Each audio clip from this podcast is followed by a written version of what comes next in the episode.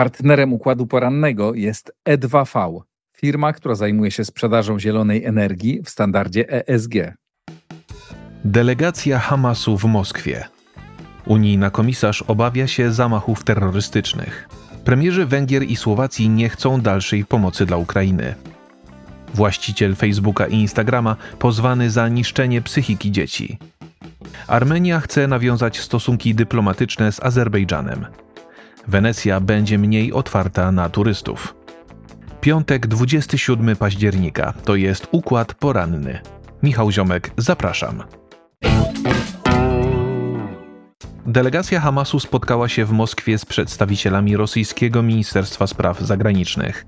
Zdaniem Instytutu Carnegie relacje Rosji z palestyńskim ugrupowaniem są elementem rosyjskiej strategii zyskiwania popularności w krajach globalnego południa.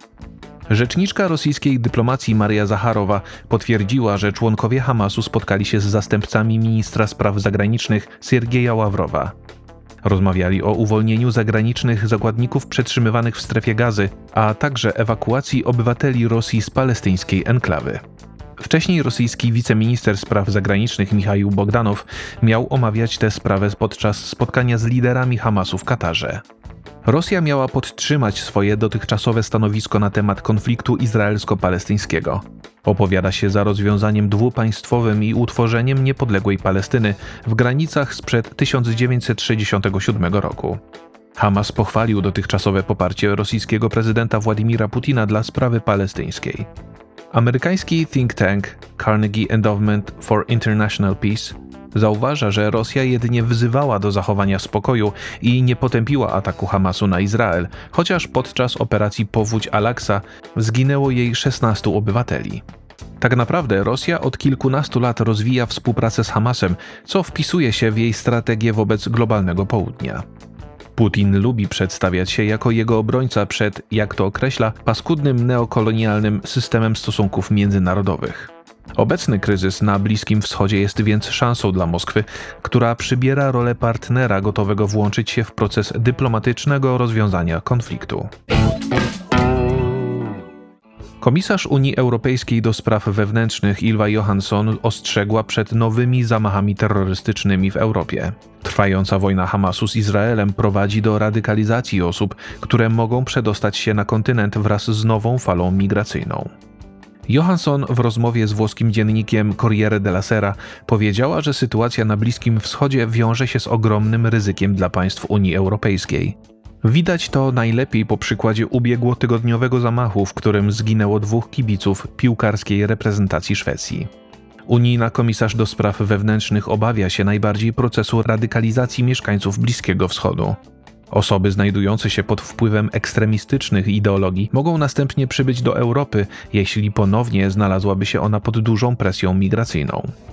Zdaniem Johansson przeciwdziałać zamachom należy poprzez dokładne sprawdzanie wszystkich osób przyjeżdżających do Unii Europejskiej. Dostrzega ona jednocześnie problem z odsyłaniem do krajów pochodzenia osób już w tej chwili sprawiających problemy, czy zwyczajnie nie kwalifikujących się do otrzymania ochrony międzynarodowej. Według komisarz państwa unijne powinny otrzymać wsparcie od Europejskiej Agencji Ochrony Granic Frontex, aby deportacje były przeprowadzane dużo sprawniej. Z drugiej strony zmian wymagają procedury w poszczególnych krajach, bo kompetencje w tej kwestii mają być obecnie rozproszone. Węgierski premier Viktor Orban domaga się wstrzymania przez Unię Europejską pomocy dla Ukrainy. Jego słowacki odpowiednik Robert Fico także sprzeciwia się wysyłaniu broni dla ukraińskiej armii. Wypowiedzi obu polityków zbiegły się z doniesieniami o opieszałości państw unijnych w wysyłaniu obiecanej Kijowowi amunicji. Orban przed posiedzeniem szefów rządów państw Unii Europejskiej w Brukseli zadeklarował, że będzie sprzeciwiał się finansowaniu Ukrainy z unijnego budżetu. Mógłby jedynie zmienić zdanie w przypadku wprowadzenia odpowiednich zmian, polegających na większym uszczegółowieniu warunków przyznawania pomocy. Obecnie mają one być zbyt niejasne pod względem politycznym i technicznym. Orban upatruje jedynej szansy na zakończenie konfliktu w rozmowach z Rosją. W ubiegłym tygodniu premier Węgier spotkał się z przywódcą Rosji w Pekinie przy okazji chińskiej inicjatywy Pasa i Szlaku. Przeciwnikiem dalszego wspierania Ukrainy jest również nowy szef słowackiego rządu. Fico powtórzył swoje przedwyborcze zapowiedzi o wstrzymaniu dostaw sprzętu wojskowego, uzasadniając tę decyzję koniecznością zadbania o własne zapasy broni i amunicji. Dodatkowo Słowacja w czasie unijnego szczytu nie zamierza popierać kolejnych sankcji wobec Rosji, a na pewno nie zaakceptuje ich bez dokładnego uzasadnienia i bez znajomości ich ewentualnych konsekwencji. Według agencji Bloomberg już teraz państwa Unii Europejskiej mają problem ze spełnieniem obietnic złożonych Ukrainie.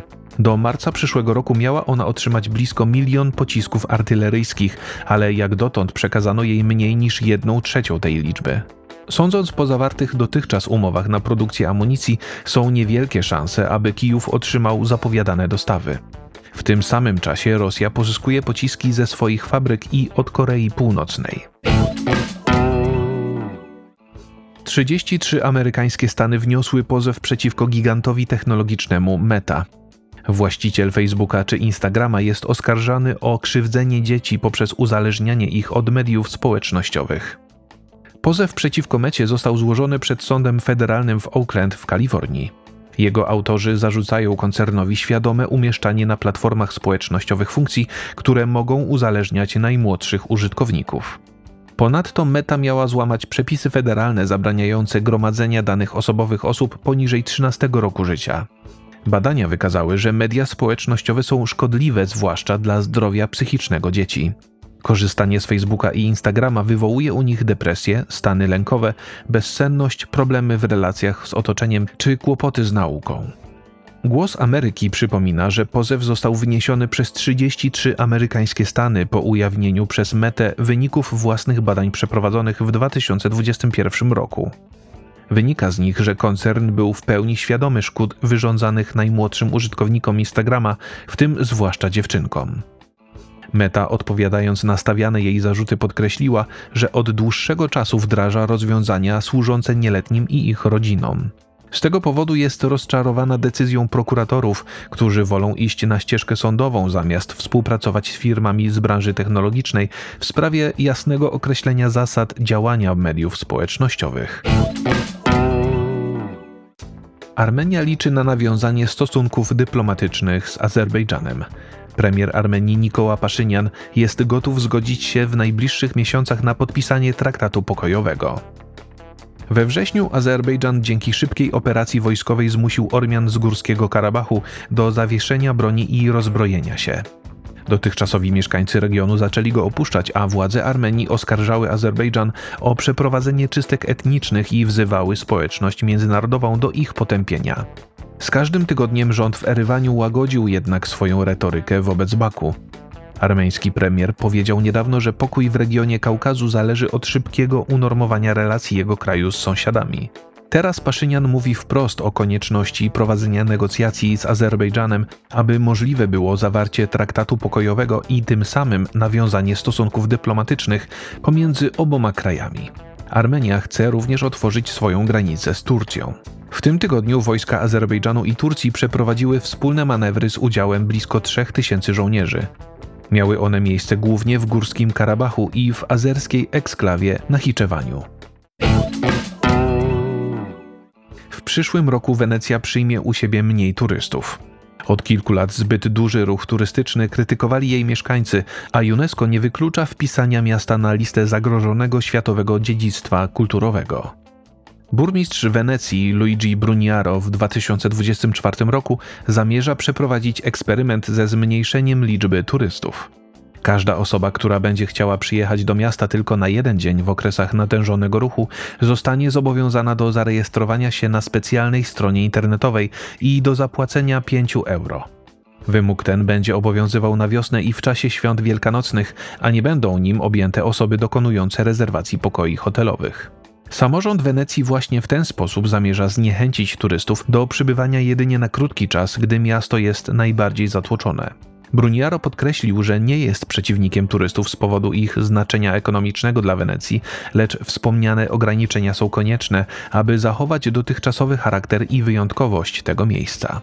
Mieszkańcy słynnego włoskiego miasta od dawna protestują przeciwko negatywnym skutkom nadmiernego ruchu turystycznego. Zaniepokojone sytuacją Wenecji jest UNESCO, które obawia się degradacji miasta z powodu natłoku turystów, zmian klimatycznych czy kontrowersyjnych projektów budowlanych. Informacje przygotował Maurycy Mietelski. Nadzór redakcyjny Igor Jankę. Jeżeli podoba się Państwu nasza praca, serdecznie zachęcam do wsparcia Układu Otwartego w serwisie patronite.pl. To wszystko na dzisiaj. Bardzo Państwu dziękuję za uwagę, życzę spokojnego weekendu i do usłyszenia w kolejnym Układzie Porannym. Partnerem Układu Porannego jest E2V, firma, która zajmuje się sprzedażą zielonej energii w standardzie ESG.